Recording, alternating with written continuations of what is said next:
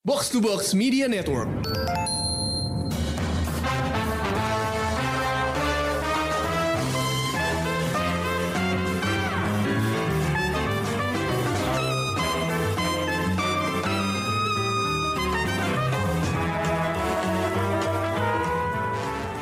Hey pendengar Showbox, Anglo Review kali ini bakalan fokus ke Oppenheimer karya Christopher Nolan yang meramaikan musim panas tahun ini di bioskop. Oppenheimer yang durasinya 180 menit ini diangkat dari sebuah buku biografi American Prometheus karya Kai Bird dan Martin J. Sherwin yang menang penghargaan Pulitzer di tahun 2006. Sebenarnya banyak buku lain yang juga mengangkat biografi Oppenheimer ya, tapi katanya buku ini punya keuntungan karena pada saat pertama kali ditulis, teman-teman dan kolega Oppenheimer masih lumayan banyak yang hidup. Jadi uh, buku ini dianggap yang paling autentik. Nah, sekarang 17 tahun kemudian dari saat buku itu diterbitkan, di sinilah kita menikmati karya Nolan yang mengangkat kisah J. Robert Oppenheimer ke layar lebar. Nah, sebelum kita mulai ke diskusinya, gue pengen nentuin dulu selera Nolan kita. Jadi kita kasih ranking nih top 3 untuk film-film Nolan favorit kita gitu. Dari situ kita bisa tahu gaya Nolan yang mana yang disukai oleh gue, Rengga dan Krisna. Siapa nih yang mau mulai? Mungkin Rengga duluan kali ya, karena Waduh. ini usulannya ini usulannya Rengga, jadi harus Rengga duluan yang maju. Dari dari satu dulu dari tiga dulu nih. Terserah Reng. yang penting satu dua tiga Oh, top 3 lo. top Mau nggak di three. nomerin juga nggak apa-apa. Oh ya udah. Eh, gua ini ini sebenarnya cukup gue nggak bisa menomori tapi eh, tiga Hmm. film Nolan teratas gue itu ada Inception, Mm-mm. ada Dark Knight, Dark The Dark Knight, sorry, The Dark Knight, Yang kedua ya. sama yang kedua sama Dunkirk. Oh, oke. Beda banget nih sama punya gue.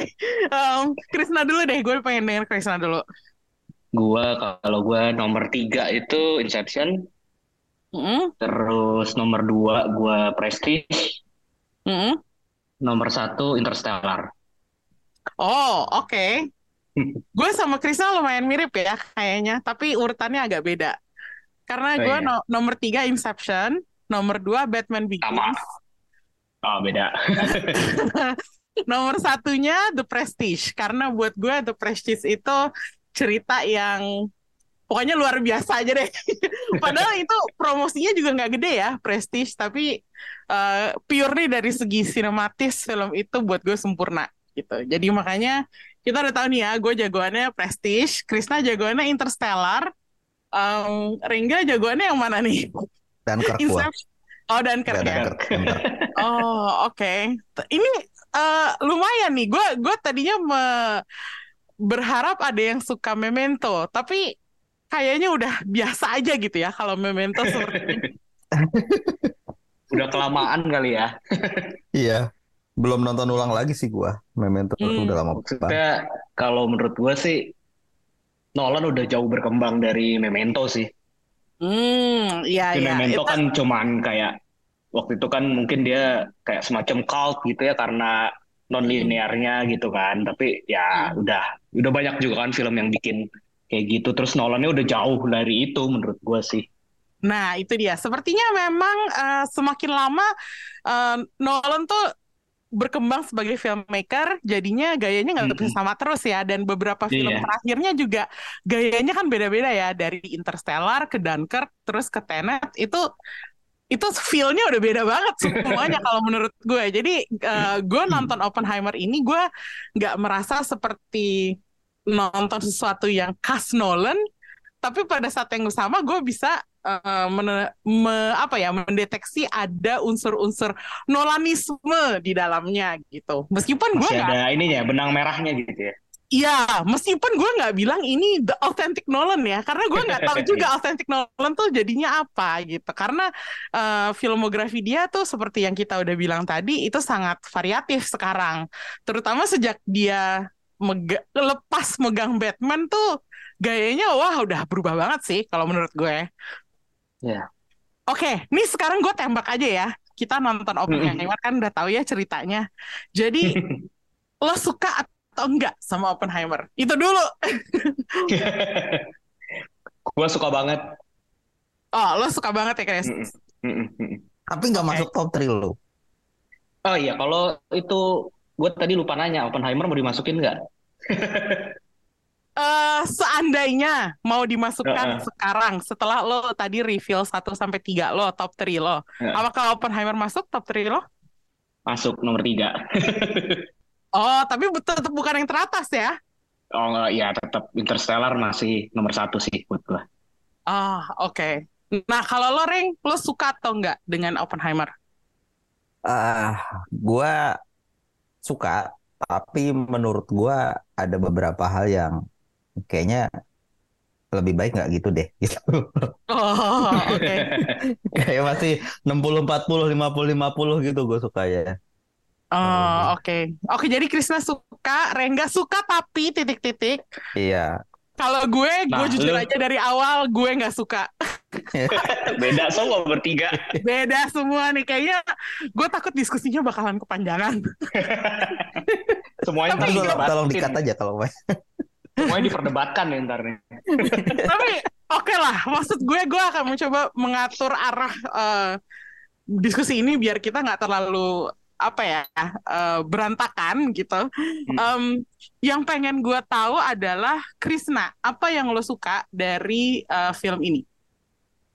Eh, bisa dibilang gue suka semua elemen yang ada di film ini sih mulai dari ceritanya, Mm-mm, terus nomor satu aktingnya, mm-mm, terus kayak elemen-elemen pendukungnya juga kayak ya apa elemen teknis lah ya kayak sinematografi sama musiknya tuh menurut gue semuanya tuh bisa eh, apa ya kayak bikin biopik ini tuh bisa terasa megah gitu. Padahal ini kan cuman biasanya cerita biopik kan nggak apa ya agak lebih cenderung drama gitu ya. Tapi ini Mm.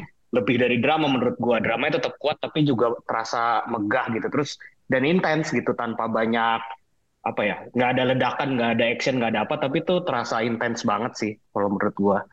Terus apa ya apalagi eh, gue juga bisa ngerasain gitu kayak eh, di sini tuh kayak mau nunjukin apa ya kayak jenius jeniusnya ilmuwan dari era abad 20 awal gitu kan. Kayaknya si Nolan lumayan ngefans sama mereka semua nih ya. Terus Hmm. kayak tapi juga gue bisa ikut ngerasain kegelisah kegelisahan kegelisahan terutama dari Oppenheimer ya dan gimana orang-orang di sekitarnya juga ngelihat dia gitu kan terus gue juga lumayan kaget ternyata courtroom dramanya juga lumayan kuat dan seru sih Hmm, dan terasa penuh intrik di situ kan politik banget di situ hmm, oke. dia kurang lebih itu sih Mm-mm. Itulah kenapa lo suka sama Oppenheimer ya. Tanpa iya iya kata-kata tapi titik-titik-titik di belakang. Em, tanpa Oke, eh, kayaknya mendingan gue dulu menjelaskan kenapa gue nggak begitu Mm-mm. suka ya sama Oppenheimer. Baru kita masuk ke Rengga karena sepertinya Rengga imbang gitu di antara kita bertiga. eh, dia yang lebih netral gitu. Kalau gue nggak suka pertama karena ini film perang. Of course gue eh, dari dulu nggak pernah suka film perang. Uh. Eh, tema film perang tuh bagi gue agak-agak tabu sebenarnya. Ini semua adalah karena Schindler's List. Itu salahnya Schindler's List. gue nonton film itu waktu gue masih kecil dan gue trauma. Jadi sampai sekarang gue kalau nonton film perang, terutama yang berhubungan dengan World War II, itu gue nggak apa ya, gue nggak suka. Intinya tema film ini udah gue nggak suka. Apalagi tentang bom atom ya, sesuatu yang sangat mengerikan. Um, Dan kedua, menurut gue storytellingnya kurang enak diikutin. Um, Nolan tuh kadang-kadang memblow up beberapa hal yang harusnya bisa disampaikan dengan simple, tapi dia malah milihnya jalur ribet gitu. Gue bukannya bingung dengan timeline yang ada di sini ya. Kalau kronologinya sih kalau diperhatiin satu-satu mungkin jelas gitu.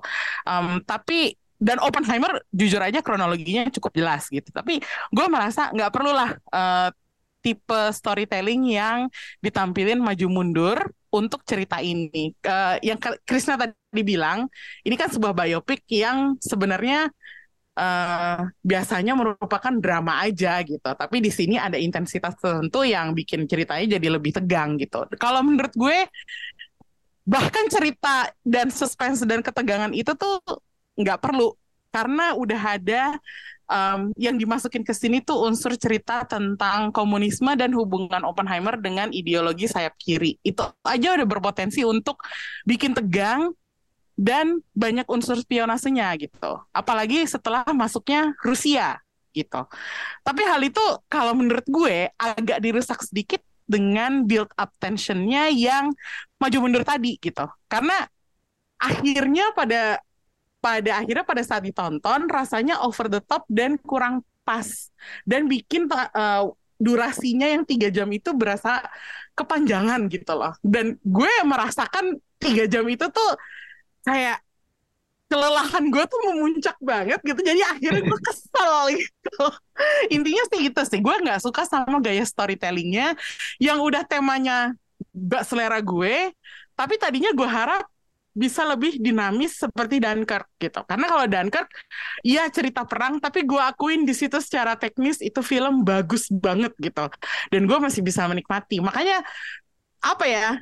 Kayak gue mungkin pengennya nonton sesuatu yang biopik aja gitu, nggak usah dibumbuin macam-macam, nggak usah di apa ya di dibombastis bombastisin pakai apa pun udah gitu aja gitu. Tapi gue nggak dapet dari film ini. Makanya gue hmm. kecewa gitu. Itulah sebabnya kenapa gue nggak suka sama Oppenheimer gitu. Jadi apa ya kayak berbanding terbalik gitu pendapat gue sama Krisna yang kalau Krisna justru mengapresiasi yeah. intensitas dan ketegangan itu gitu. Sementara kalau buat gue ah nggak perlu sih sebenarnya. Gue cuma pengen tahu ceritanya Oppenheimer doang kok gitu. Hmm. kayak ya jadinya gitulah. Tapi ini menarik ya karena akhirnya kita punya dua pendapat yang berbeda dan itu kan jarang banget ya kita beda pendapat gitu di di bedanya podcast jauh film. Lagi. dan bedanya jauh banget jadi ujung ke ujung nih gitu. Oke nah sekarang gue pengen eh, dengerin eh, dari Rek gue ada hmm. kesamaan hmm. sebenarnya sama lo gue juga sebenarnya nggak suka film perang. Oh lo nggak suka film nah, perang? nggak suka cuman di sini gue iya lu lu kan demen film oh ini kan perang dunia kedua terutama kan. Yeah. Nah kalau gue nggak suka, nah gue gue bisa uh, apa? Kalau ini gue bisa lebih mengapresiasi karena di sini justru ditunjukin kan kayak kegelisahannya dan ujung-ujungnya pesannya anti war justru. Itu gue hmm. yang masih uh, uh, yang masih bisa gue terima gitu dari temanya. Hmm. Iya, gue sih gue sih menerima ya bahwa ini ujung-ujungnya ada pesan anti war itu tetap kerasa gitu. Tapi kalau menurut gue nggak perlu seribut itu gitu. Ya, ya. Berarti lu cara gitu. penceritaannya ya? Iya, cara penceritaannya yang gue nggak bisa banget sih terima. Dan hmm. karena kalau menurut gue tiga jam itu agak berlebihan ya. Dulu-dulu film film-film Nolan tuh nggak pernah sampai yang blow up sampai hmm. tiga jam gitu. Sementara di sini kita disuruh duduk uh, apa ya? Meskipun pesan anti warnya tersampaikan juga, gue merasa lo masa harus tiga jam sih untuk menyampaikan pesan itu gitu itu kayaknya aduh capek banget deh tapi kalau menurut Atau... gue tiga jamnya itu padat loh jadi semuanya nggak ada yang tersia-siakan Oke lah, agree to okay. disagree. Sekarang, sekarang ke yang netral. ya, mari kita dengar apa kata Rengga. Uh, apanya dulu nih, yang positifnya dulu apa negatifnya dulu? Terserah Reng, okay, kalau itu gue serahin ke lo. Uh, gue setuju dengan dua pendapat kalian gitu. Jadinya gue karena gue tidak memihak satu sama lain ya. Hmm. ya. Kalau yang positif, gue gue suka gue suka ceritanya gitu. Hmm. Bagaimana intriknya dibangun, kemudian uh, karakternya itu karakter buildingnya bagus banget. Terus setiap karakter tuh mainin mainin porsinya tuh bagus, pas banget. Dan mulai dari si Cillian Murphy-nya sampai supporting actingnya itu kayak bravo lah semuanya bagus mm, gitu. Mm, gue setuju itu. Uh, tapi gue juga setuju sama Manda. Uh, itu kepanjangan. Mm. Capek nontonnya gue. Gue uh, ketika gue itu kayak gue udah ketika gue tuh kalau nonton film kalau gue udah ngeliat jam itu artinya gue bosen dan ketika gue lihat jam itu kayak Anjing baru dua jam masih sejam lagi gue nonton gitu kan. Kayak, lama banget gitu. Kayak harusnya harusnya bisa lebih lebih apa ya lebih dibantin lagi sebenarnya. Dan dan uh, ceritanya juga terlalu banyak layer menurut gue jadinya hmm. gue sebenarnya tidak masalah dengan cerita yang maju mundur maju mundur. Karena toh kita bisa mengenali timelinenya dengan dengan ini ya dengan dengan filternya ya. Jadi ketahuan hmm. gitu filternya ada yang ada yang black and white, ada yang rada kuning, ada yang rada biru gitu. Jadi ketahuan nih timeline yang mana nih gitu kan. itu memudahkan memudahkan penonton awam kayaknya. Terus Uh, tapi ya itu balik lagi, kayaknya layernya terlalu banyak gitu kayak si yang dibilang tadi kayak ada cerita spionase, ada cerita si Oppenheimer selingkuh, terus ada cerita perseteruan sama Strauss, terus ada uh, konfliknya sama siapa lagi sama army juga, sama politik segala macam tuh kayak campur aduk di dalam situ gitu kayak kalau lu kayak lu meleng dikit tuh lu nggak tahu apa yang terjadi gitu Hmm. Ini sedikit kayak, lah ini gimana ceritanya tadi? Terus sementara lo harus tiga jam di situ gitu kayak terlalu mungkin benar kata Krista kayak filmnya padat gitu. Kayak semuanya mau diceritain, tapi selama tiga jam itu terlalu padat gitu. Kayak harusnya hmm. tuh ada beberapa bagian yang yang kayaknya mending dikat aja deh nggak perlu diceritain gitu. Karena hmm. jadi sangat memenuhi filmnya. Itu yang yang gue sebenarnya nggak suka di film ini gitu. Hmm balik lagi sih filmnya kepanjangan. pegel nontonnya. iya pegel sih. Visual, secara visual banget sih, bagus banget. Gue setuju. Oh ya, menurut lo secara visual bagus? Secara visual oh. bagus, walaupun gue nggak ngerti kenapa harus pakai IMAX ya. Nah, itu dia. Itu dia sih sebenarnya. Sebenarnya film ini kalau menurut gue bedanya sama beberapa film Nolan yang sebelumnya adalah gue ambil contoh Dunkirk aja ya karena Dunkirk yang temanya paling mirip gitu jadi bisa lumayan deket dibandinginnya gitu kalau Dunkirk kalau nggak nonton di IMAX itu rasanya kentang banget sih tapi kalau yang ini sepertinya pengen mencapai level Dunkirk tapi nggak nyampe gitu. Karena pada saat penggambaran apa ya partikel-partikel atomnya itu ditampilkan itu bagi gue nggak lebih apa ya nggak lebih spesial dari apa ya screen saver komputer. I'm so sorry tapi itu itu yang uh, terkesan di gue gitu. Karena kok random banget visualnya gitu. Mungkin ada penjelasan kah tentang hal ini? Gue nggak ngerti ya itu ah, itu justru, lagi justru, lagi kita. Justru itu bagian paling paling ini buat gue paling apa ya paling memikat justru. Oh ya? Iya uh, part, apa fusion partikel itu. Hmm. karena sebelum gue nonton ini gue sempat baca tweet orang itu bukan CGI katanya. Gue nggak tahu gue nggak tahu gimana caranya tapi itu katanya bukan Pakai CGI mikroskop gitu. gitu. Kayaknya iya ya gue ya. Nah. juga gak ngerti gimana. Tapi itu itu soalnya gue ngelihat itu hmm, entah apa ya mungkin karena udah kepengaruh karena wah oh, ini bukan CGI keren banget gitu. Tapi gue ngeliatnya juga itu keren gitu dan dan iya. soundnya juga bagus ketika itu gitu. Kayak bung bung bung bung bung bung bung, bung itu. Dan tapi dengan catatan gue gue bahkan gak nonton di IMAX ya ini ya. Gue nonton hmm. di di studio biasa itu uh, merasa itu keren gitu secara visual dan audio tuh bagus. Itu bagian paling paling paling apa ya visualnya paling bagus buat gua gitu. Pengalaman nonton si nuklir visi itu. Bayangannya si Oppenheimer. Tapi wow. sisanya sih biasa aja buat gua.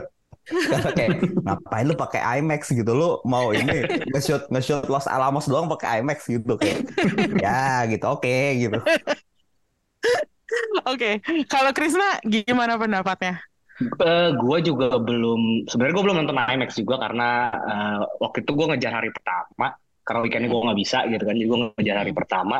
Dan kebetulan IMAX sudah penuh semua kan terus hmm. udah nggak ada uh, seat yang enak jadi gue nonton di layar biasa. Tapi gue akan sangat merencanakan nonton IMAX karena gue ngeliat justru kayaknya ini gue bakal lebih terasa megah lagi ketika gue nonton IMAX. Karena gue ngerasa shot-shotnya itu walaupun kayak apa ya biasanya kan IMAX tuh emang lebih banyak dipakai untuk kayak ngegambarin landscape atau action yang spektakuler atau gimana gitu kayak Interstellar gitu misalnya kan itu kan IMAX banget juga. Cuman kalau di sini justru gue pengen lihat gimana dan itu gue bisa ngeliat sih walaupun di layar biasa gitu ya. Kalau shot-shotnya itu justru bisa apa ya? Eh kan banyak zoom zoom muka gitu kan. Nah itu tuh kayak bisa mempertegas kegelisahan si karakter-karakter ya menurut gue dan itu kayaknya kalau di IMAX bakal lebih terasa lagi gitu walaupun itu mungkin bikin sedikit tidak nyaman gitu ya tapi kayaknya gue akan mencari itu sih dari IMAX kalau nonton film ini lagi di IMAX hmm. gitu ya. Oke. Okay.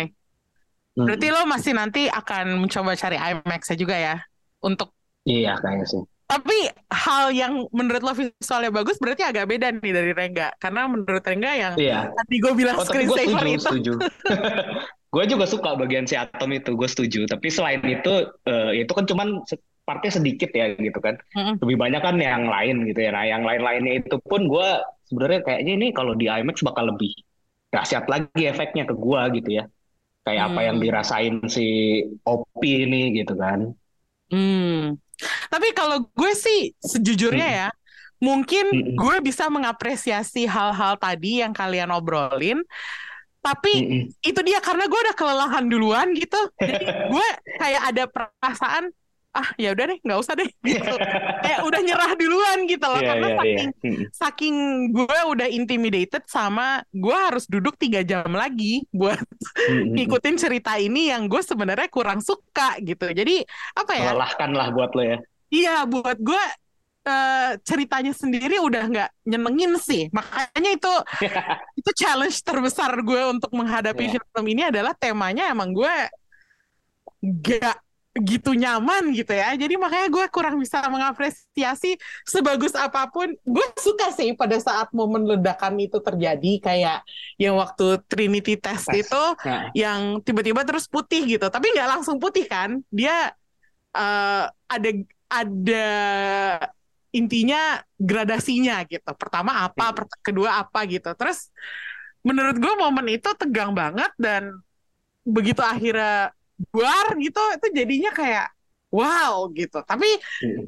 untuk mengulang itu, gue rasa gue nggak perlu ke IMAX juga deh. gitu kayak jadi gue nungguinnya la- ya jauh ya.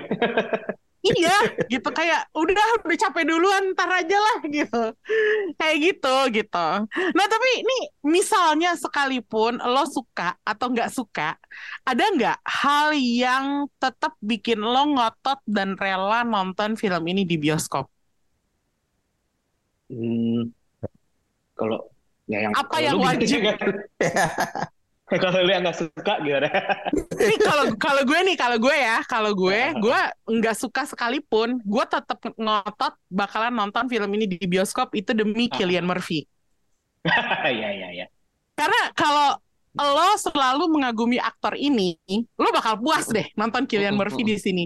Aktingnya tuh gemilang banget kan. Terus Ya. gue merasa sepertinya keberadaan Cillian Murphy di, di sini tuh bukannya ngejatohin, bukannya dia bagus sendiri, yang lainnya jadi biasa aja, tapi justru kayak dia bikin aktor-aktor lain tuh juga bagus gitu. Matt Iya. Damon jadi bagus, eh, Emily Blunt jadi bagus gitu. Makanya gue Josh suka Hartnett. Josh Hartnett jadi bagus gitu. Pokoknya intinya semua yang ada di sekeliling dia tuh jadi jadi keren gitu. Dan nggak apa nggak tahu ya. Gue gue merasa nonton dia di sini eh, itu worth it banget. Lo bayar eh, tiket nonton bioskop. Jadi gue merasa talenta dia tuh patut diapresiasi layar lebar. Intinya gitu sih. Makanya gue meskipun gue nggak suka sama film ini, gue bakalan tetap bilang ya sekali seumur hidup lo tetap harus nonton film ini di bioskop demi Iya, Cillian iya, Murphy. oke. Kalau gue sih gitu, gitu. Kalau Kalau- kalian berdua ada nggak unsur yang bener-bener lo wajib banget bikin film ini ditonton di bioskop gitu? Iya, gue sama sama lu pertama itu ensemble cast-nya itu semuanya solid banget. Mm-mm. Terus kedua ya visualnya, terus yang ketiga terutama itu yang harus banget di bioskop audionya sih, Ah, ya ya ya. audio dan musiknya. Hmm. itu yang nggak akan lu dapet lah lu dengan TV sebagus apa pun ketika lu nonton di OTT itu nggak akan lu dapet sih Hmm. audio itu. Ya itu sama kayak Dunkirk sih. Ya, Kalau lo Reng gimana Reng? Gue setuju sama kalian berdua, tapi gue mau menambahkan satu lagi sih, karena Ya. ini film Christopher Nolan. Itu aja sebenarnya. Nolan bro ya Anda. Enggak, saya bu saya bukan jamaah Al Nolaniah, bukan bukan bukan. Tapi emang emang ya ya harus diakui Sinematik gitu lah kan. ya mereka. Ah, Dia bikin pakai kamera IMAX se- juga kan. Betul. Eh, semua filmnya Nolan itu cinematic experience sih. Jadi lu harus nonton di Iya. bioskop gimana pun juga. Makanya ketika waktu itu gua nggak sempat nonton Tenet di bioskop itu gue nyesel banget sebenarnya karena gue nonton di TV ini gue suka. Tapi kalau gue nonton di bioskop, gue bakal bisa suka banget dan bisa masuk top 3 gue sebenarnya. Hmm. Si Tenet. Gue padahal nggak, iya. gue nggak nonton Tenet sih. Gue belum Gua tuh sama sekali nonton kayak- karena belum ada kesempatan buat nonton di layar lebar, jadi gue belum belum nonton. Intinya gitu. Tenet buat gue malah ini mungkin top 3 terbawah dia. Oh ya? Oh ya, Gue suka, wow. gue suka justru justru justru Gua- gua Tenet nggak- tuh mungkin urutan 4 atau 5 gitu. Dan itu gue nonton Nah, di nah. TV gitu. Kayak si, gue juga nonton di TV kan. Eh, Ah. Kayak si Emi bilang, kan Nolan punya kecenderungan untuk memegahkan sesuatu gitu ya. Mm-mm.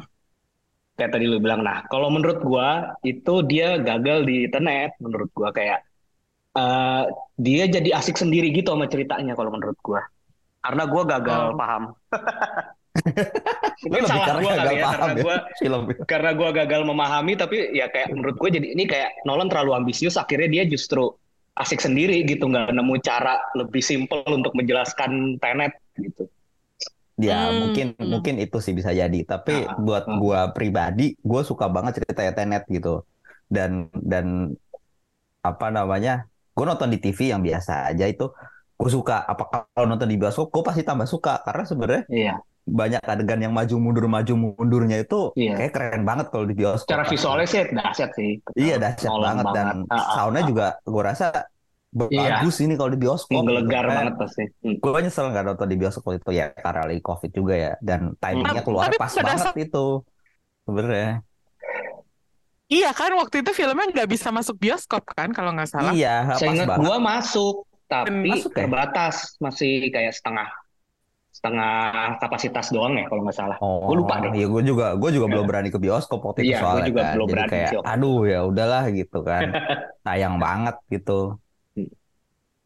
Hmm, oke. Tapi kayaknya kalau Oppenheimer eh, gue kurang serak bandingin sama Tenet karena beda ini apa ya beda gitu, different animal altogether gitu. Iya memang sih. Makanya Iya. kalau bisa gue pengen bandingin Oppenheimer dengan Dunkirk karena sama-sama film perang. Hmm. Tapi itu dua film ini tuh eh, meskipun sama-sama periodenya tahun eh, largely di tahun 40-an ya. Em, itu cara storytellingnya beda banget. Dan gue su gue lebih suka penceritaannya storytellingnya Dunkirk gitu. Dan kebetulan karena ada Ray nggak di sini jadi gue pengen membahas dua film ini secara apple to apple gitu. Kalau menurut gue storytelling maju mundur nih yang sepertinya bakal jadi kekhasan Nolan kekhasan Nolan terbaru nih.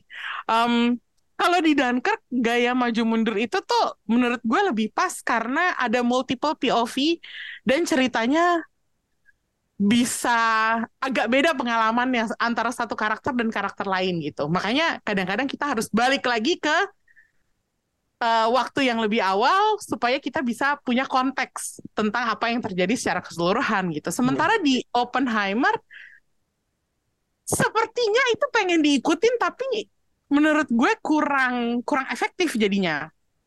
Nah, Hmm. mengingat dua hal, mengingat film ini, dua film ini tuh bisa dibandingkan secara langsung.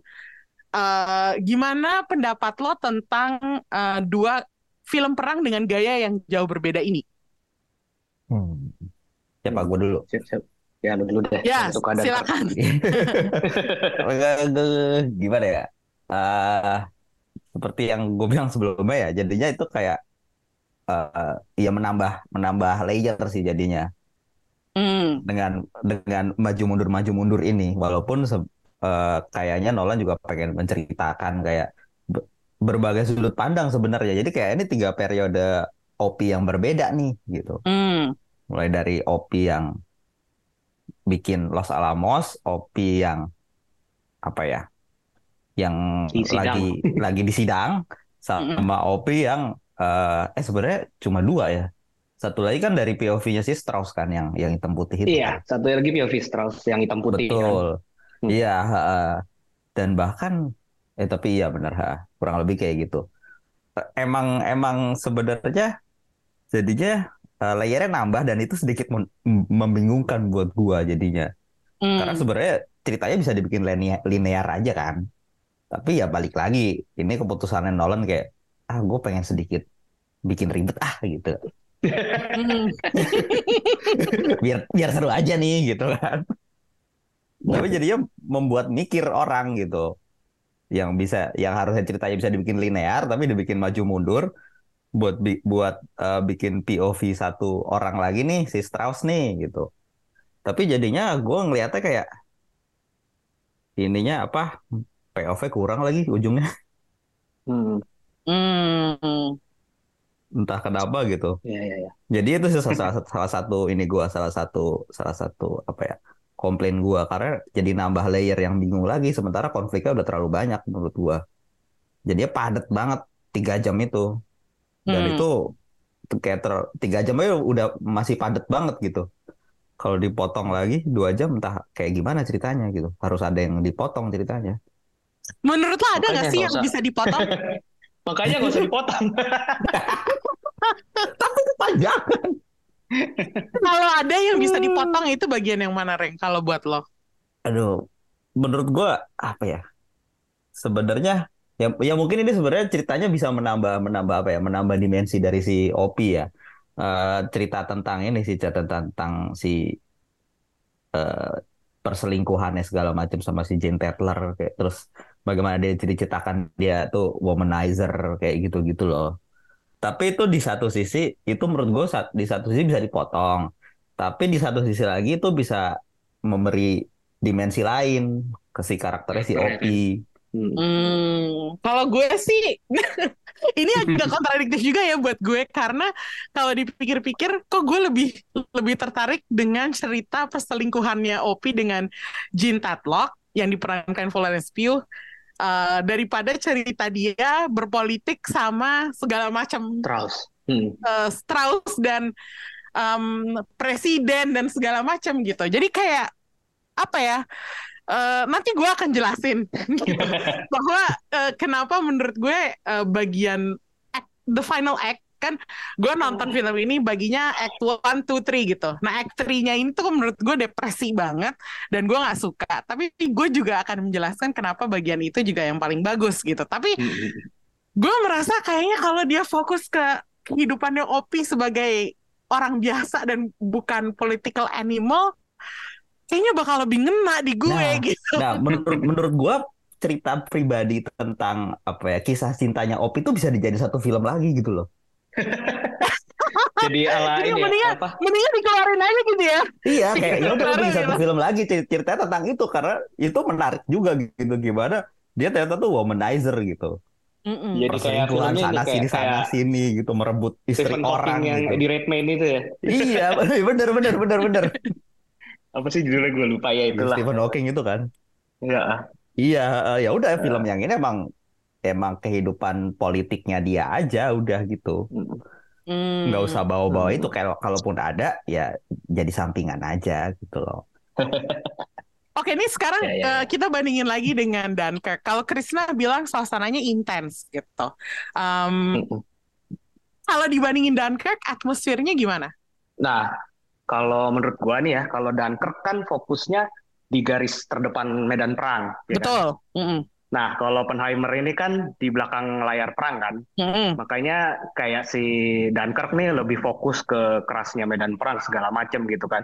Makanya depresinya beda gitu kan. Kayak kita Pastinya ngeliat- beda.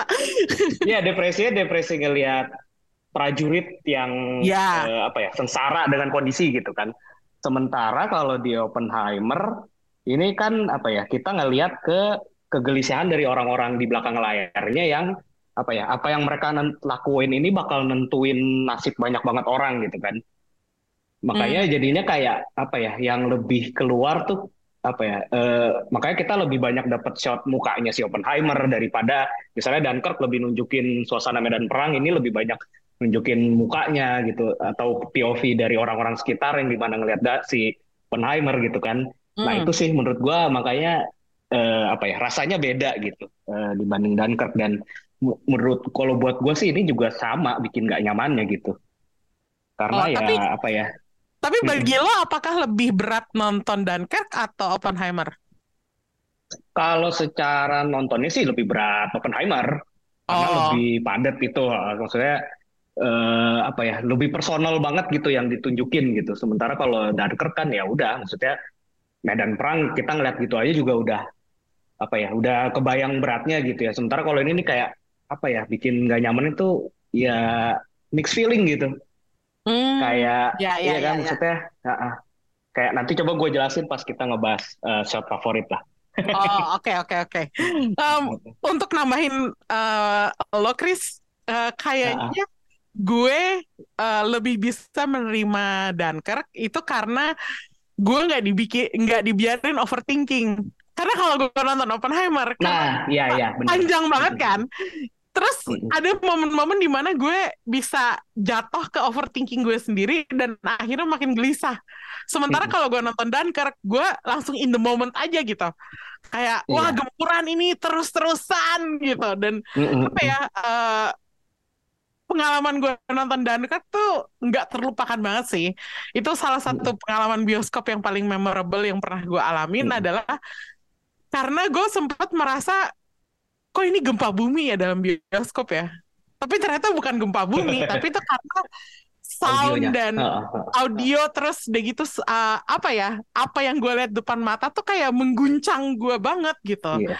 makanya gue mungkin lebih bisa mengapresiasi Dunkirk adalah karena gue nggak dibikin overthinking.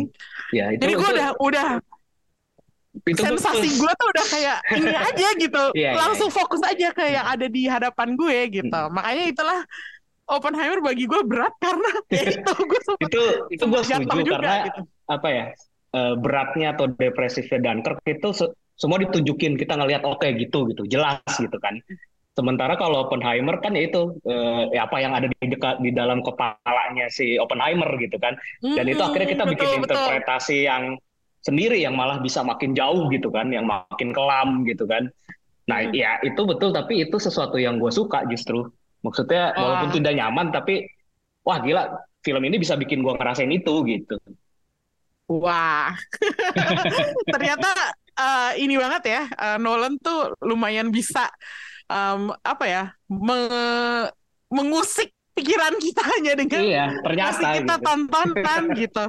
Waduh, parah banget. Padahal Em, gue pas pas pertama kali dengar proyek terbarunya Oppenheimer gitu ya waktu itu pertama kali diumumin, Hmm. Set ya sementara yang gue expect kan Nolan bikin sesuatu yang gede kayak Interstellar kayak Tenet gitu yang temanya Hmm. wah banget gitu.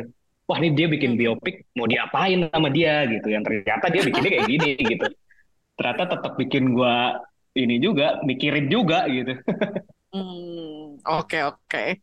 Em, ini tadi kita udah sempat ngebahas visual dan sound sedikit ya. Eh, Mm-mm. Menurut lo, apakah visual dan sound eh, Oppenheimer bisa dibandingkan dengan Dunkirk? Bisa banget. Eh, maksudnya dengan Setara. style-nya beda banget ya. Ya, Tapi style beda banget. level Tapi uh, uh, level teknisnya setara sih menurut gue. Hmm, oke. Hmm. Kalau Rengga, pendapatnya gimana, Reng? Hmm, gue masih Dunkirk sih nomor satu. Oh, masih tetap Dunkirk ya? Iya. heeh. Walaupun walaupun emang soundnya ya nggak bisa dibilang jelek bagus bagus, tapi buat gue Dunkirk itu experience-nya ini sa- ini banget sih sinematis banget kayak suara pesawat, suara eh, bomnya, suara apa kapalnya itu kayak pecah banget di, tel- di telinga gue. Nah itu bedanya Kalau ini- buat gue. Nah, iya. Ini ini bagus tapi kayak kayak masih di bawah Dunkirk sih. Buat gua, buat gua Gue, personally. maksudnya Dunkirk bisa kayak gitu karena ya perang gitu kan, emang action gitu ada banyak elemen pesawat, senjata apa gitu. Sebenarnya kan di sini nggak ada gitu ya, tapi gue bisa ngerasain apa ya kayak intensitas yang sama lah gitu. Hmm.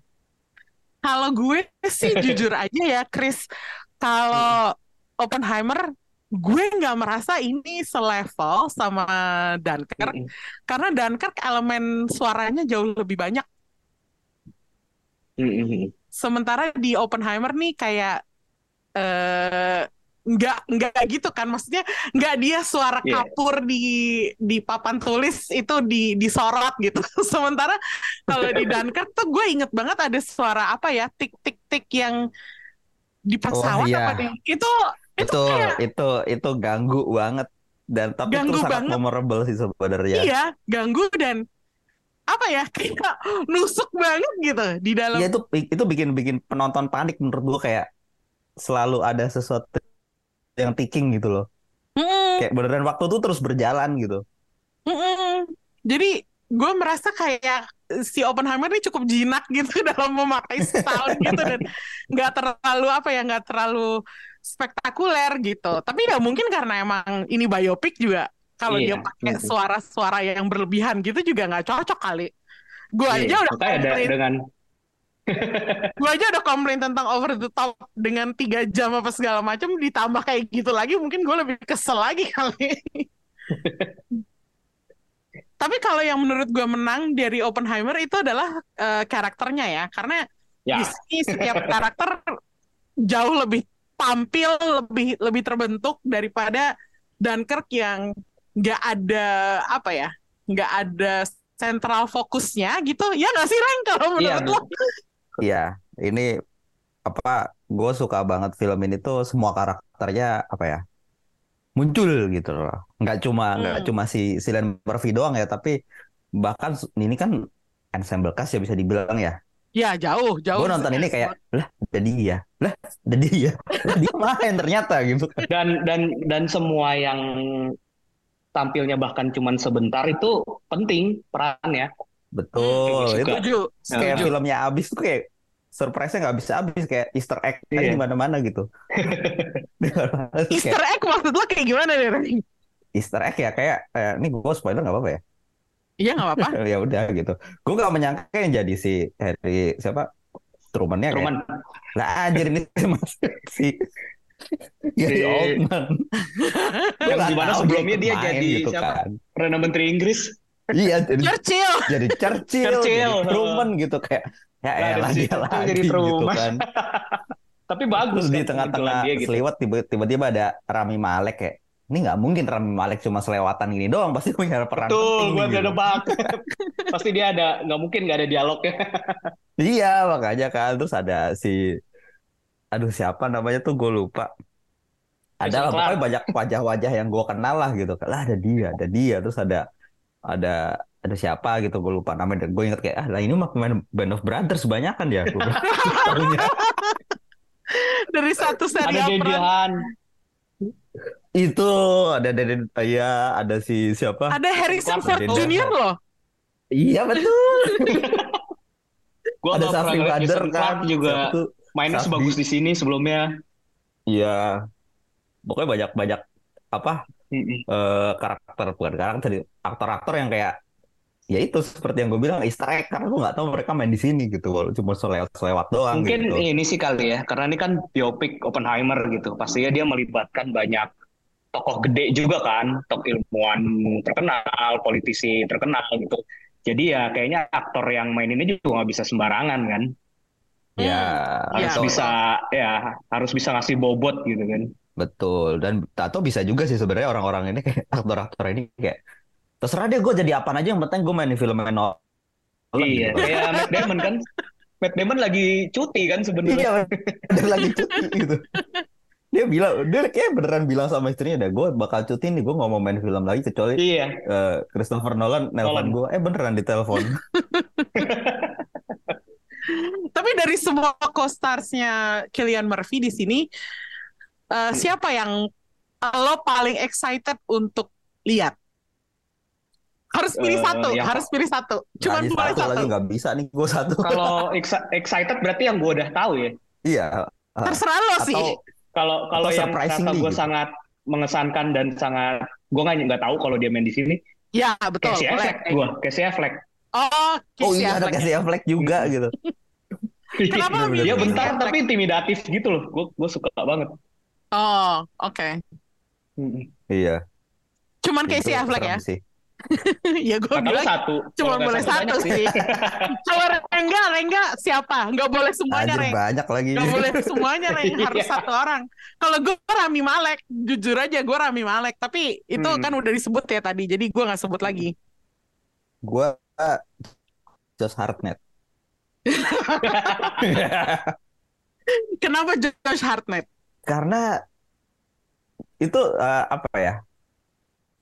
Si Josh Hartnett itu ah dia tuh salah satu aktor pada masanya waktu angkatannya itu Mm-mm. salah satu yang gue suka gitu. Calon bintang besar. Hmm. Betul, calon bintang besar pada Pearl masanya. Harbor, kan? Kenapa dia tiba-tiba Heeh, Pearl Harbor terus dulu apa sih Lucky Number Eleven ya kalau nggak salah gue suka banget film itu Ya, kan. ya. Mm-mm. Iya bukan sih? Iya kayak lupa gue. Pokoknya dia tahu pada masanya itu kan dia angkatannya Ben Affleck ya kalau nggak salah ya. You main Ben Affleck. Iya kan?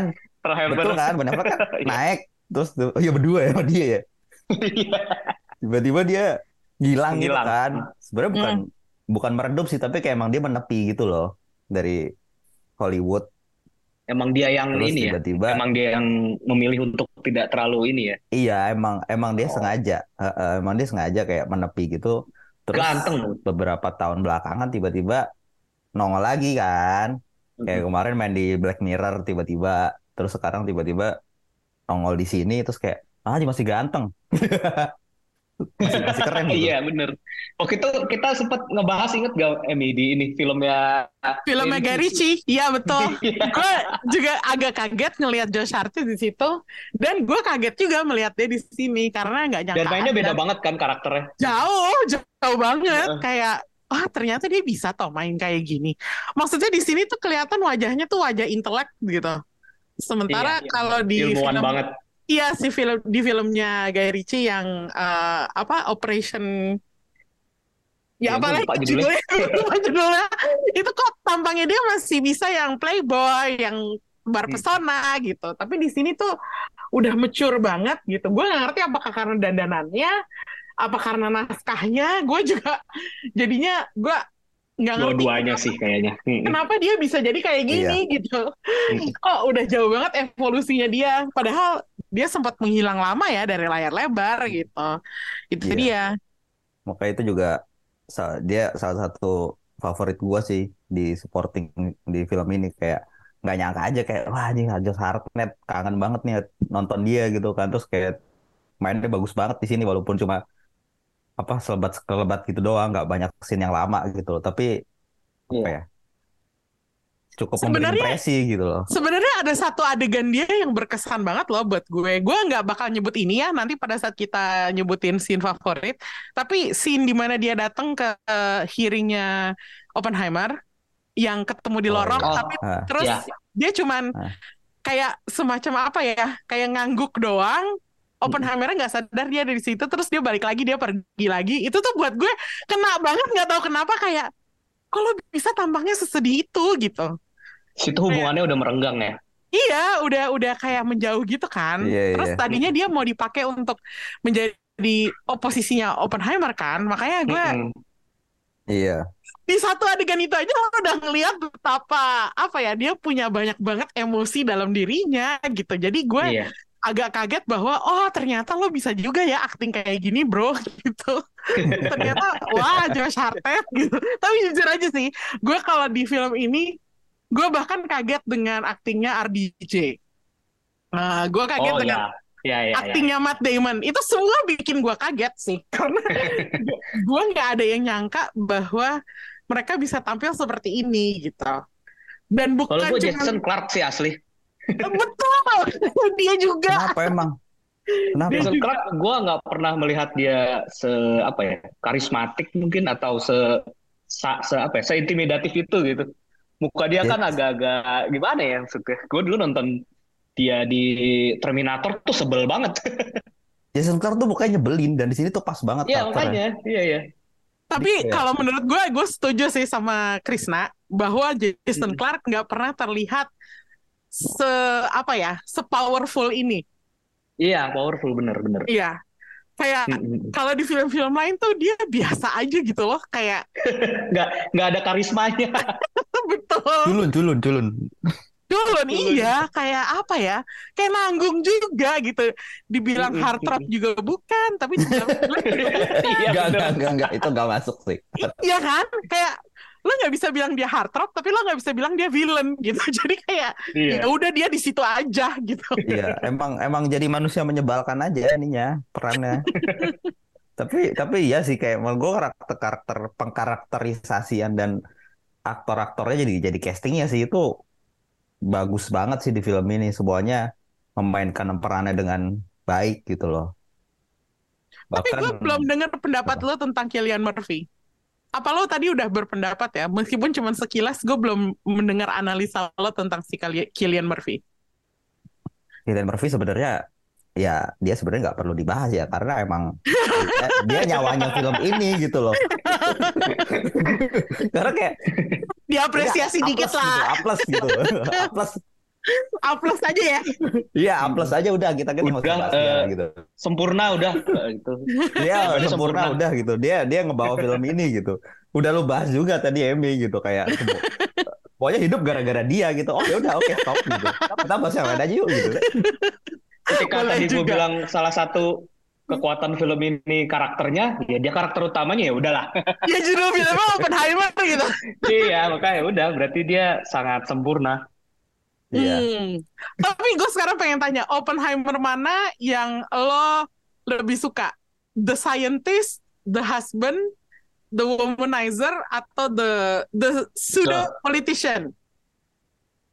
Eh, gua yang scientist dan politician sih. Oh, itu lebih menarik buat lo ya? Iya, kalau gua. Tapi kok kalau gua tetap ya, The Womanizer ya? ya? sisi humannya berarti ya iya gue lebih tertarik sama sisi humannya dia daripada sisi ilmuannya dia gitu nah, kan terbukti itu harus jadi satu film sendiri sebenarnya film dengan tone yang berbeda gitu ya iya bener juga sih kalau kalau lo Reng milih sisi mananya nih sisi apanya Oppenheimer hmm, gue tertarik lebih ke sisi ininya sih, saintisnya sih, ilmuannya sih. Hmm, early Oppenheimer ya? Iya, karena ya. emang gua gua apa ya? Gua tertarik gitu dengan dengan walaupun gue sebenarnya gak suka fisika ya tapi gue suka mendengarkan ilmuwan-ilmuwan itu ngomong gitu loh oh, fisika cool kuantum, aja keren ah, luar biasa gimana teori-teori fisika nuklir gitu loh iya, itu iya. menurut gue sangat menarik gitu dan dan di situ apa perdebatan mereka tuh seru gitu loh. Begitu udah masuk ke politik juga sebenarnya gue suka sih itu intrik-intrik politiknya itu juga gue suka sih. Hmm. Dua itulah kurang lebih. Tapi gue lebih Wah, suka ini... bagaimana mereka berdebat tentang ini sih tentang fisika nuklir dan fisika kuantum gitu, science gitu loh. Hmm. Gitu. Jadi kayak ini gak sih kayak Avengers-nya scientist gitu. ada iya, Einstein, iya bener. ada Niels Bohr, ada iya, Fermi. dan Terus dan, si ya, Oppenheimer ngumpulin gitu kan satu-satu kayak iya, eh, negosiasi. Setiap interaksi mereka iya. tuh nggak tahu gue ngeliatnya cool banget aja sih orang-orang jenius berinteraksi gitu kan. Interaksi dia sama Einstein gitu iya. gitu kan kayak oh gila lo terdengar Hah? seperti seorang nerd pada saat ini. Ya gue melihat mereka sangat cool dan apa ya seksi mungkin kalau kalau bisa dibilang pas makanya mereka Oppenheimer jadi womanizer. Ya kan? Terus, iya menjelaskan juga... fisika kuantum ke seorang perempuan dia pasti langsung lepak-lepak iya kayak dia pas di awal kan dia sempat ketemu Heisenberg kan Iya, betul. Nah, terus pas dikasih tahu kalau Nazi sainsnya, divisi sainsnya dipimpin Heisenberg tuh kayak wah, kayak muncul rivalitas di mukanya gitu itu, wih keren banget nih gue ngeliatnya. Bener sih kalau lo tahu siapa orang-orang ini ya, mungkin penonton awam nggak tahu siapa mereka gitu. Tapi hmm, gue sebagian besar menyadari, gue nggak tahu sih. Iya maksudnya tapi kalau lo paling nggak tahu uh, siapa, paling nggak Albert Einstein gitu, siapa yeah. dia gitu. Lo tahu bahwa ini seperti the Avengers of the science world gitu intinya gitu. Hmm. Tapi kalau menurut gue uh, tema ini susah banget ya, sulit banget karena Oppenheimer itu uh, apa ya dia mengalami kejatuhan dia bukan ya. sosok heroik yang terus punya glorious ending gitu. Justru dia uh, terakhir-terakhirnya kan agak sedih gitu. Dan Oppenheimer ini mengangkat udah temanya senjata, tapi juga tentang kejatuhan si pencipta senjata itu juga mm gitu. Mm Nah, dengan tidak adanya sosok heroik atau peristiwa yang menggambarkan kemenangan besar, Apakah menurut lo film ini jadi nggak punya payoff? Kalau gue jujur merasa payoffnya kecil banget. Kayak nggak ada momen di mana yang gue bisa merasa menang gitu. Beda kan dengan hmm. Dunkirk yang pada akhirnya lo merasa wah yes we won gitu kita memenang Iya. eh, dari Nazi gitu dari Jerman gitu tapi Enggak, enggak sini- itu itu kalah. kan mereka kabur ceritanya. iya tapi Cuman kan kan itu feel-nya membuka- feel-nya Oke oke. Gitu jadi kalau gue merasa nonton Dunkirk tuh lebih payoff-nya jauh lebih gede meskipun apa ya ya di- bisa dibilang dia bukan kemenangan sejati tapi masih ada triumphant feeling gitu sementara di Oppenheimer ini gue nggak menemukan sama sekali Mm-mm. menurut lo gimana? Gua gua agak kurang setuju sih. Sebenarnya kalau ngomongin victory atau glorifikasi untuk si Hmm. Oppenheimer-nya sebenarnya ada kan di terakhirnya si Strauss-nya kalah kan. Maksudnya kita kalah dalam tanda kutip lah dia gagal jadi menteri kan. Terus si Oppenheimer-nya juga akhirnya dapat Nobel kan. Dan terus di situ dia ketemu lagi sama teman-teman lamanya kan. Nah itu sebenarnya kan bisa dibilang vic- eh, victory-nya juga kan atau glorifikasi gitu.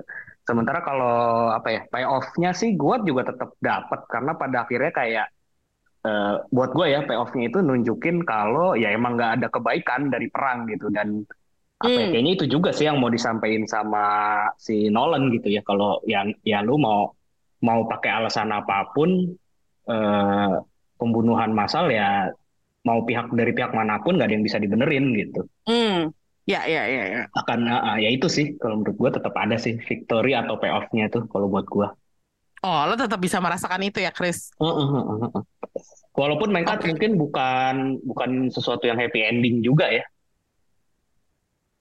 Eh gue nggak butuh happy ending sebenarnya. Iya, Tapi ya itu dia kayak payoff-nya Ya. itu kok kayaknya nggak ada gitu. Gokil banget gitu. Makanya gue setelah duduk tiga jam gue merasa tidak mendapatkan apa-apa. Makanya gue jadi kesel gitu. Hmm. Kalau Rengga gimana pendapatnya tentang payoff ini? Iya sih gue merasa pay, ya payoff-nya ada gitu tapi eh, bukan kurang ya. Tapi kayak oh ya udah gitu aja gitu. Soalnya kayak kan si si si gue merasa kayak Nolan tuh mencoba menampilkan sedikit apa ya twist di endingnya kan. Gimana sih Strauss itu akhirnya kelihatan Iya. kalah. Kemudian sama si Harrison Ford kecil itu. Iya, si Eh, eh, Indiana Jones Junior, terus si siapa?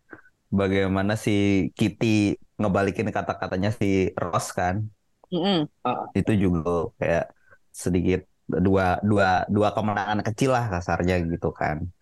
Tapi menurut gue justru jadi kayak janggal aja lu naruh itu di situ gitu. Iya, gue juga sih sebenarnya Jadi ya, bagian itu kurang ini sih, kurang. Kalau gue lebih karena apa ya? Gue karena ini pesannya anti war gitu ya. Gue justru pengen lihat sebenarnya di ending itu ya justru Oppenheimer tuh di titik terendahnya sebenarnya. Betul, gue lebih setuju kayak gitu gitu. Hmm. Tapi ini kayak sedikit kayak sebenarnya tuh kayak si Oppenheimer udah kayak turun turun turun turun, tapi kemudian kayak Hmm. ada bump kecil yang kayak tweet tweet gitu baru turun lagi gitu kayak sekalian aja dibikin jurang ke bawah gitu benar-benar si Oppenheimer itu benar-benar emang dia harus menanggung apa ya menanggung perbuatannya Rasa gitu. bersalah lah. Rasa bersalahnya gitu Mm-mm. keprometeusannya dia itulah kayak gitu Itu jadi kayak Hmm. karena Iya. ada dua adegan yang tanda kutip twistnya itu jadi kayak menurut gua kayak ini aneh juga sih ada beginiannya jadi kayak kurang gitu loh Iya. kayak itu di, di kayak apa ya kayak disediakan sebagai payoff film ini tapi jadi kayak malah janggal buat gua Dan nggak akhirnya justru nggak segede itu payoff-nya ya kan? betul jadi kayak mendingan nggak usah gitu gitu loh itu sih yang gue kurang sukanya dari film ini Oke, Em, sepertinya kita udah membahas bahwa ya gue sama Krisna di dua spektrum yang berbeda ya. Kalau Krisna Ya. bisa melihat eh, sisi positifnya, sementara gue nggak, ya gue kurang bisa lah menerima film ini karena intinya gue emang udah nggak suka dengan temanya duluan gitu. Hmm. Em, tapi terlepas dari pembahasan kita, terlepas dari apa yang bikin film ini payoff atau atau enggak gitu, eh, gue pengen kita mengutarakan satu scene yang paling berkesan bagi lo eh, untuk menggambarkan bagian terbaik dari Oppenheimer. Gua serangkaian adegan setelah tes dan pengaboman sih.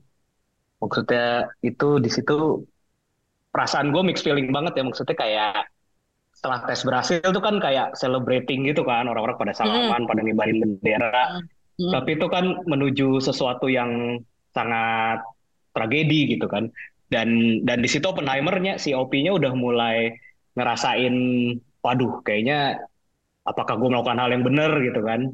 Hmm. Terus sama pas dia ngasih speech itu kan dia apa dia nggak bisa ngedenger lagi suara orang kan. Ya, Itu itu serangkaian adegan yang udah ya, stres banget dia di situ. Iya, itu dalam sih buat gue kayak wah jadi kayak gini nih yang apa ya yang berusaha ditunjukin Nolan tentang apa yang dirasain si Oppenheimer setelah apa yang dia bikin gitu. Jadi itu Hmm. sih kalau gue. Hmm. Hmm, oke. Good choice. Nah, sekarang Hmm. kita dengar dari Rengga. Setelah gue pikir-pikir kayak iya juga ya itu sih itu itu adegan yang keren sih. Yang dia Hmm. tiba-tiba kayak apa ya? eh, kayak mau pingsan gitu kan sebenarnya Iya. kan. Itu kayaknya dia Iya. udah disassociation gitu. Udah kayak melepas Iya, diri dari dari semua kenyataan di sekelilingnya dia gitu. Iya. Iya betul betul betul. Itu itu baru gue sih itu iya, itu keren banget sih menurut gua. Cara cara menggambarkan si apa ya perasaannya si Opi Kopi. ketika Hmm. itu. Heeh. Hmm. Ya. Tapi gua ada satu adegan sebenarnya gue suka banget adegan yang si apa openingnya ya ketika si Opinya ngebayangin visi visi, nu- visi nuklir itu. Hmm? Ah, Gitu, gue iya. seperti se gue sebutin di awal tadi. tapi tapi ada satu adegan yang menurut gue kayak ini kayak bukan menunjukkan sebuah, sebuah film, tapi kayak menunjukkan bagaimana kayak zaman itu bukan zaman itu ya kayak politik tuh kadang suka konyol gitu loh. Bagaimana mereka menentukan eh, ini kota mana yang mau dibom? Wah, Oh my god. wah, itu itu gue nggak nyaman banget sih ngeliatnya. Iya, gue denger kayak "Ah, anjing ya gitu. Iya, Sek itu banget itu. Iya itu itu kayak di film itu menunjukkan kayak gila nih lu ngomongin nyawa orang gitu nggak cuma satu dua gitu loh lu nyawa, ngomongin ribuan ribuan nyawa orang tapi kayak, kayak nentuinnya kayak gitu gitu loh itu ya itu itu gak Hmm. nyaman sih itu itu kayak dalam gak kayak buset deh gitu loh itu sih kalau disuruh milih adegan yang menggambarkan film ini kayak gila perang ya gitu Hmm, iya sih. Oke. Oke. Oke lah, gue gue terima dua dua pilihan lo. Nah, kalau gue sebenarnya lebih eh, satu momen aja ya, eh, di mana em, si Emily Blunt sebagai Kitty Oppenheimer dicecerkan sama Roger Robb-nya Oh, Jason Clarke di iya. hearing rahasia itu. Terus si Rob-nya tuh udah mendekat ke Kitty, terus tiba-tiba Kitty, Kitty balas dia gitu. Gue lupa sih mereka ngomongin apa. Tapi intinya Kitty itu mentahin semua asumsi-asumsi si Roger Rob dengan ekspresi yang ganas banget gitu. Itu menurut gue apa ya? Kayak wah keren banget. Dan setelah beberapa jam melihat gimana para pria kulit putih itu semua petantang petenteng gak jelas, tiba-tiba ada fierce female energy dari Emily Blunt buat gue itu luar biasa banget sih. Dihajar sama perempuannya. Iya, dan itulah kenapa menurut gue eh Act 3 dari film ini itu menurut gue dirangkai dengan sangat bagus, dengan sangat apa ya cerdas gitu. Meskipun gue nggak suka nontonin eh, semua eh, apa ya after effects dari pemboman itu, dan itu kan ceritanya kan di sini Opi udah jatuh banget nih ya, Mm-mm. dan itu bikin gue Hmm. eh, down tapi gue gue suka aja melihat caranya Nolan merangkai drama yang pure drama gitu jadi nggak nggak harus pakai action nggak harus pakai um, visual effect yang gimana banget. Bisa kok dia bikin sebuah cerita yang manusiawi tentang orang-orang yang terlibat di perang gitu. Makanya gue gue mengagumi third act-nya ini meskipun gue sengsara banget nontonnya. Dan gue kayak berharap kenapa sih nggak nggak bisa kayak gini aja gitu dari tadi gitu. Dan itulah juga kenapa alasannya gue akan lebih tertarik kalau yang disorot itu itu hubungannya Oppenheimer sama istrinya dan mistressnya Jean Tatlock gitu. Dan itu juga dari tadi kenapa ya gue gue pengen melihat yang usulan Rengga film Oppenheimer sebagai womanizer yang sendiri gitu yang yang berdiri sendiri tanpa urusan perang-perangnya itu gitu loh. Jadi ya cuman Iya. karena female energinya aja sih bagian itu yang gue kagumin banget kayak wah setelah ngelihat cowok-cowok nih yang oke okay lah I know they're good looking dan terus mereka scientist or whatever gitu tapi kok kayaknya emang butuh aja gitu Emily Blunt untuk uh, apa ya untuk mencerahkan layar gue untuk ini menurunkan maskulinitas. Betul betul. Kayak kayak filmnya kok dari tadi testosteron semua gitu. Iya iya iya. Tapi di situ juga menurut gue sebenarnya gue juga apa ya seperti yang gue bilang tadi kayak gue kurang suka sih kayak dua dua adegan itu tapi di di dua adegan itu juga kayak nunjukin ya emang si Kitty itu sangat penting perannya buat si Opi kan dan nah, Opi juga dia. Opi juga ujung-ujungnya ketika dia sedang down banget dia tetap percaya sama bininya gitu mm -mm. dan ternyata itu benar dia. itu itu apa ya uh, terbayar gitu Kitty juga masih percaya sama Oppenheimer kan akhirnya Iya, itu dia lah makanya itu kenapa gue suka banget sama third act-nya yang benar-benar nunjukin semua hal itu yang barusan lo omongin, Re. Jadi gue kayak merasa ah, harusnya dari tadi kayak gini aja filmnya. Oke, okay, um, sebelum kita melanglang buana ke pembahasan lainnya, um, kita harus kasih rating 1 sampai lima bintang buat Oppenheimer. Gua empat setengah. Waduh. Oh, waduh. Gua tiga bintang. Gua tiga setengah sih. Oh, oke. Okay. Jauh juga gue. Kenapa nggak lima bintang sekalian, Chris? Huh? Uh, ya, itu disisakan untuk yang lebih sempurna lagi aja lah. Oke, okay. ini sekarang setelah udah kita kasih penilaian ke Oppenheimer, hmm. apakah susunan film favorit Nolan lo berubah? Uh, gua berubah. Oh, lo berubah. Iya. Jadi yang tadi kayak oh uh, satu Interstellar tetap. Masih tetap. Oke. Okay. Uh, ke Prestige apa Oppenheimer ya? Kedua ya. Kedua Oppenheimer deh. Oh, kedua Oppenheimer, kedua Oppenheimer. ketiga Prestige. Oke, okay, kalau gue nggak berubah, kalau Rengga? Enggak sih, gue gak berubah tetap. Hmm, juga gak berubah ya. Berarti hmm. yang masukin Oppenheimer ke top 3 itu hanya Krishna doang, tapi yeah. ya memang itu kan selera ya. Jadi gue ingetin sekali lagi bahwa ini emang uh, di sini kita memang mempromosikan mengencourage perbedaan pendapat supaya biar lebih seru aja gitu biar ya, pendapatnya nggak sama terus gitu nggak gitu. Jadi uh, begitulah review kita buat Oppenheimer. Semoga reviewnya bermanfaat. Terlepas dari pendapat gue yang kurang menyukai film ini atau pendapatnya Krisna yang juga mencintai film ini kalian bebas menentukan opini sendiri ya. Film ini masih tayang di bioskop, semoga awet karena kabarnya banyak orang yang belum dapat tiket nih nonton Oppenheimer di weekend pertama kemarin saking ramenya. Jadi kita harap aja banyak orang dapat kesempatan untuk beli tiket dan bisa nonton film ini di bioskop karena seperti yang udah kita bahas tadi, memang ini sebuah film Nolan, jadi lo nggak bisa lewatin film ini di bioskop. Gitu ya, aja betul. sih. Setuju. Gitu aja ya. Oke, okay, thank yeah. you for listening. Bye-bye. Bye. Bye.